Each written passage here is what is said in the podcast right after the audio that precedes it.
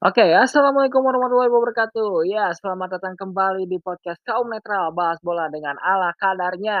Ya, ini setelah vakum beberapa hari ya, eee, karena Piala Dunia baru saja, eee, selesai ya, dan sudah tahu siapa juaranya itu adalah Argentina. Dan kali ini kita akan bahas review pastinya review pertandingan sepak bola dan setelah Piala Dunia, datanglah Piala AFF 2022. Ya, pastinya kita akan mereview tentang timnas Indonesia ya berhasil mengalahkan Kamboja dengan skor tipis 2-1 dan bermain di Stadion Gelora Bung Karno. Oh ya, oke sebelum ke sana gue mengucapkan selamat hari Natal buat teman-teman podcast kaum netral yang merayakan semoga damai Natal dan sukacita Natal menyertai kalian semua. Oke?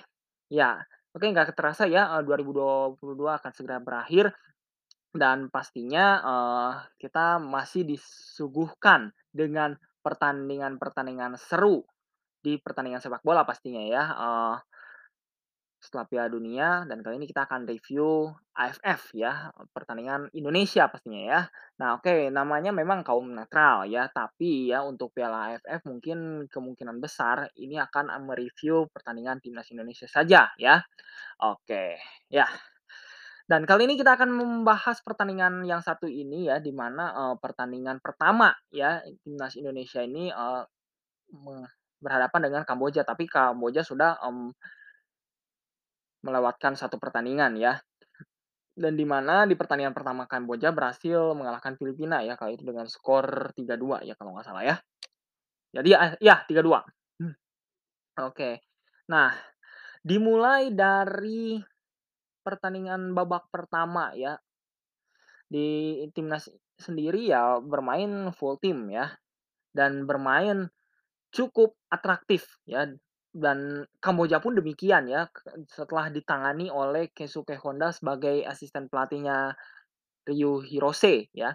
Nah ini memang, eee dari timnas Kamboja sendiri ini lebih ke permainan Jepang gitu ya, ini derby Asia Timur ya dari segi pelatihnya ya. Kamboja oleh pelatih Jepang, Indonesia pelatih Korea ya, Shin Tae-yong. Nah, di babak pertama sendiri itu, eee, permainan timnas nih, eee, cukup lebih disiplin gitu ya. Dan ber bermain dengan formasi 4-3-3 ya. Kadang, eee, Sintayong ini bermain dengan formasi 4-4-2 atau bahkan, eee, bermain 5-3-2 gitu ya. Nah, tapi ini, eee, di pertandingan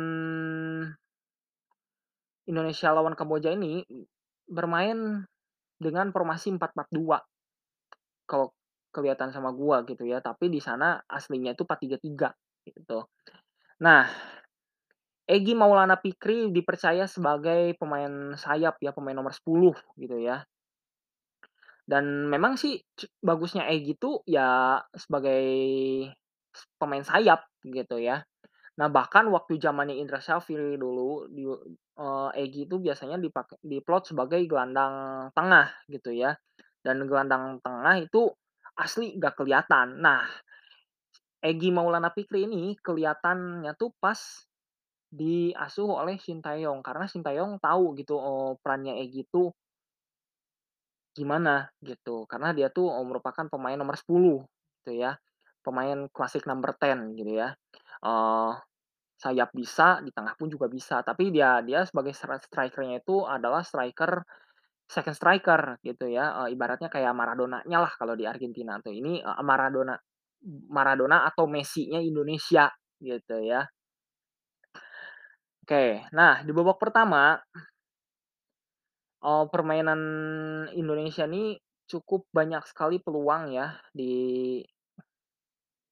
babak pertama nih, tapi, eee, meskipun banyak sekali peluang-peluang yang tercipta ya dari Indonesia, baik itu dari Egy, Witan, dan juga, eee, pemain-pemain lainnya, bahkan Mark Klok ya merupakan otak serangan ataupun juga pemain holding midfielder midfielder gitu ya. Dan dia itu adalah berfungsi sebagai, eee, jembatan ya buat pemain belakang untuk, eee, memberikan suplai ke lini depan gitu ya, baik itu ke Egy, Witan maupun juga M. Rafli. Nah, M. Rafli ini menurut gua sih ya, eee, di pertandingan lawan Kamboja ini nggak kelihatan gitu permainannya gitu ya.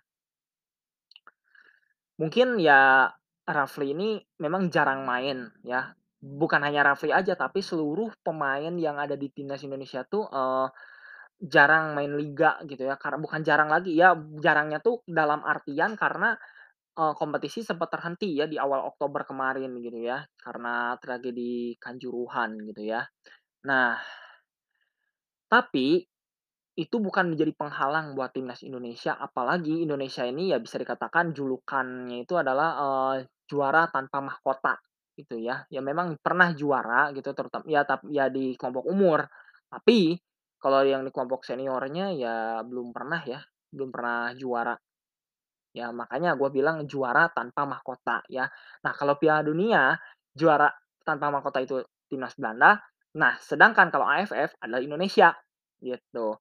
Ya itu menurut kalian aja ya mau setuju atau enggak, tapi yang jelas gue bilang Indonesia adalah juara tanpa mahkota ya, karena Indonesia meraih 6 kali runner up Piala AFF di tahap senior, ya.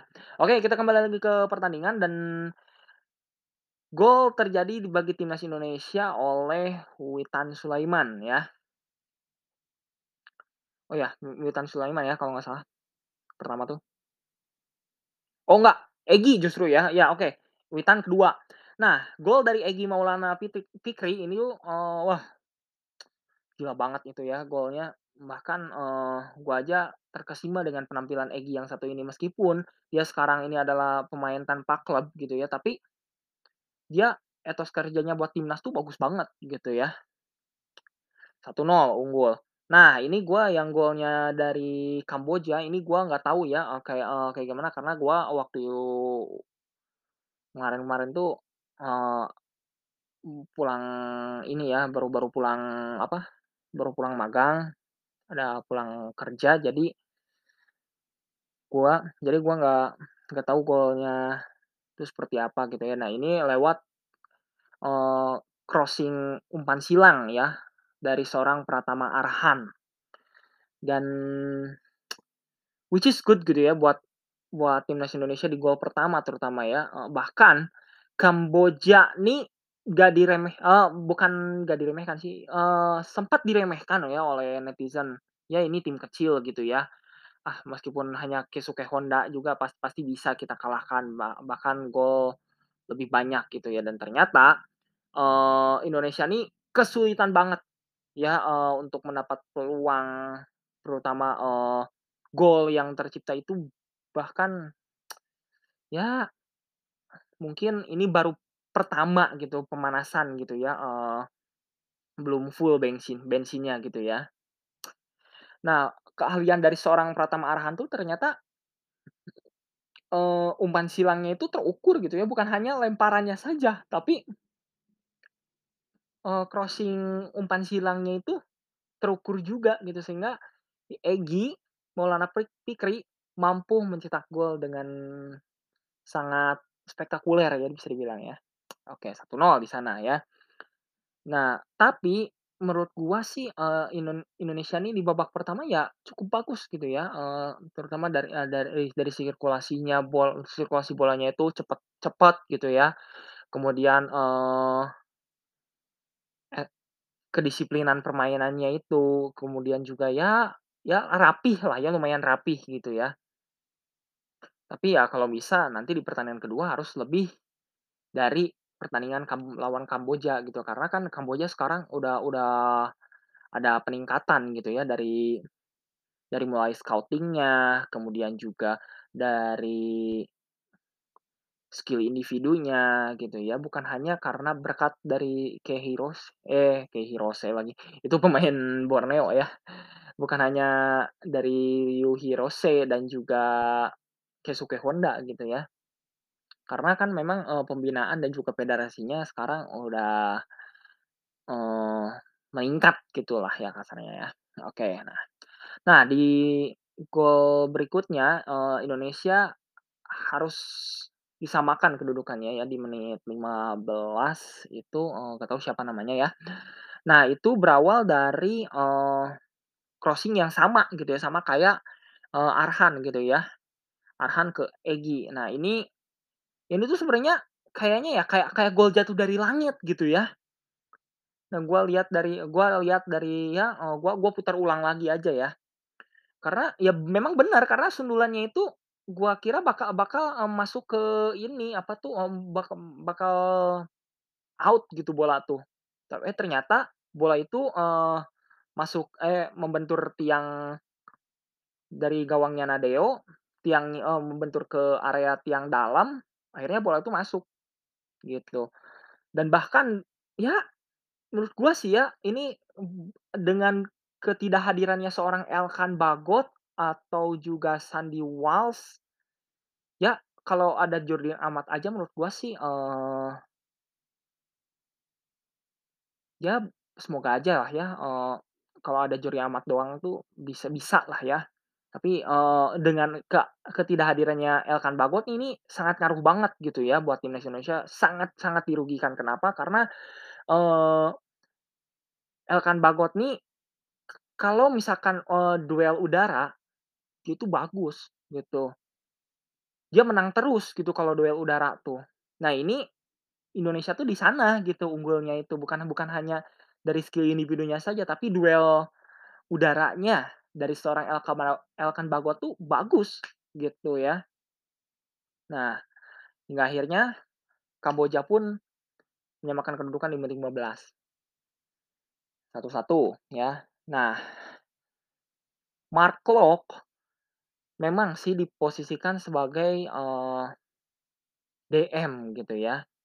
Apalagi di formasinya 4-3-3 gitu, sedangkan kalau 4-4-2 sih, eee, lebih ke box to box gitu ya. Karena, eee, Mark Klok nih, eee, bisa ber bisa bermain box to box bisa gitu, bisa bermain orkestrator juga bisa gitu ya. Tapi ini perannya kayaknya, eee, agak ke dalam gitu ya, gitu ya si Mark Klok nih ya. Kalau ibaratnya kalau di Barca tuh kayak Frenkie de Jong gitulah ya.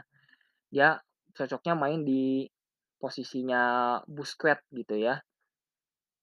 Karena dia lebih mendalam permainannya itu, ke dalam gitu ya. Tapi ya, eee, Mark Locke nih emang bisa cetak gol gitu ya, tapi dengan set piece penalti ataupun juga set piece tendangan bebasnya emang bagus dia itu ya. Kayak bahkan ya di Persib aja dia sering jadi eksekutor tendangan apa pun gitu, tendangan pojok, tendangan bebas gitu ya. Nah nah Witan Sulaiman baru deh di menit 30-an itu, eee Dia mampu mencetak gol dengan, eee, zona yang cukup aman gitu ya, karena, eee, dia hanya duel satu lawan satu dengan kipernya Kamboja gitu ya. Tapi ini, eee, awal yang bagus gitu ya, meskipun ini hasilnya adalah ugly win ya gitu ya buat timnas Indonesia gitu ya, di babak pertama sa eee, 2-1, kemudian ya di babak kedua, nah ini banyak sekali pemain-pemain timnas kita nih, eee Memainkan Spaso, kemudian Yakob Sayuri, kemudian juga ada Edo Febriansah juga dimainkan gitu ya. Tapi sayangnya, eee, Spaso nih menurut gua, eee, nggak ma nggak cocok deh ya kayak ke skemanya Sintayong gitu ya, karena kan usianya tuh udah 30 berapa tahun ya, tapi di tapi di Bali gacor-gacor aja ya dia tuh. Cuma nggak tahu ya di di timnas apa jangan-jangan mungkin, eee, skemanya ber karena skemanya berbeda, jadi, eee, sehingga ya nggak inu nggak nggak klop gitu ya sam baik itu sama Witan, baik sama baik sama siapa lagi ya, baik sama Mark Klok, atau juga Kambuaya gitu ya. Nah Kambuaya sih leb eee, di di saat ada Mark Klok di DM, tinggi Kambuaya bisa di depan gitu ya, dan di sayapnya pun ya bisa pemain kayak Witan tadi ya, Witan sama Egy gitu ya. Oke. Nah, di babak kedua mungkin merubah skema permainan ya, yang dari tadi 4-3-3 menjadi 4-4-2 atau bahkan juga 4-2-3-1, tapi menurut gua ya, memang bagusnya Indonesia tuh udah aja bermain dengan formasi 3-4-3 juga bisa atau 3-5-2 juga udah klop gitu ya. Ya, mmm, 3-5-2 sih, biar nanti kan biasanya Indonesia tuh bermain dengan, eee, cukup atraktif ya bukan cukup atra atraktif sih, bermain dengan atraktif football gitu ya, apalagi kan, eee, kadang bermain full defense gitu ya. Tapi kan kalau memang kalau Indonesia tuh bisa memanfaatkan, eee, permainan gitu, terutama, kalau misalkan lihat dulu lawannya tuh kayak misalkan kayak lawan Kamboja. Nah, memang tadinya sih lawan Kamboja tuh bisa bermain lebih enjoy dan ternyata kita tahu bahwa dan di pertandingan awal pertama di pertama adanya AFF aja ya di tahun ini terutama ya, eee, waktu lawan Filipina itu beh, buset. Itu nggak nyangka banget bisa bisa sehebat itu gitu, terutama Kamboja bisa mengalahkan tim sekuat Filipina gitu ya, dan yang notabene itu adalah pemain Filipina itu adalah full naturalisasi gitu ya pemainnya itu. Tapi ini kenapa ya, ada apa dengan timnas yang satu ini gitu buat Filipina dan juga Indonesia ini kenapa? Biasanya kan kalau ketemu Kamboja bisa pesta gol gitu ya, eee, bahkan waktu itu waktu SEA Games aja meskipun kelompok umur waktu itu di ya timnas U23 ya, kalau SEA Games tuh bisa mengalahkan dengan skor yang cukup telak waktu itu 6-0 ya, waktu di 2011 di kita di Indonesia sama, eee, 2015 di Singapura, ya. Tapi tetap ya, eee, kita juga perlu ada evaluasi lagi gitu ya. Dan sayangnya di babak kedua memang banyak sekali peluang-peluang yang harusnya jadi gol gitu ya, terutama dari Spaso, Witan, maupun juga, eee, Yakob Sayuri. Nah, ataupun juga dari Edo, bahkan dari siapa pun juga, eee, yang bermain di timnas AFF saat ini gitu ya. Itu harusnya memang bisa gitu ya, eee, timnas tuh, cuman nggak tahu ini kenapa kenapa, eee para pemain kita nih nggak bisa memberikan supply yang baik gitu kepada pemain sekelas Spaso gitu, yang notabene itu adalah striker yang haus gol gitu ya. Bahkan ya di beberapa menit terakhir tuh Indonesia tuh terus menggempur gitu ya, menggempur pertahanannya, eee, Kamboja gitu ya. Tapi ya menurut gua sih ya, M. Rafli ini memang layaknya tuh gini, kalau main terakhiran atau apa gitu ya, atau bahkan sebagai super sub gitu ya.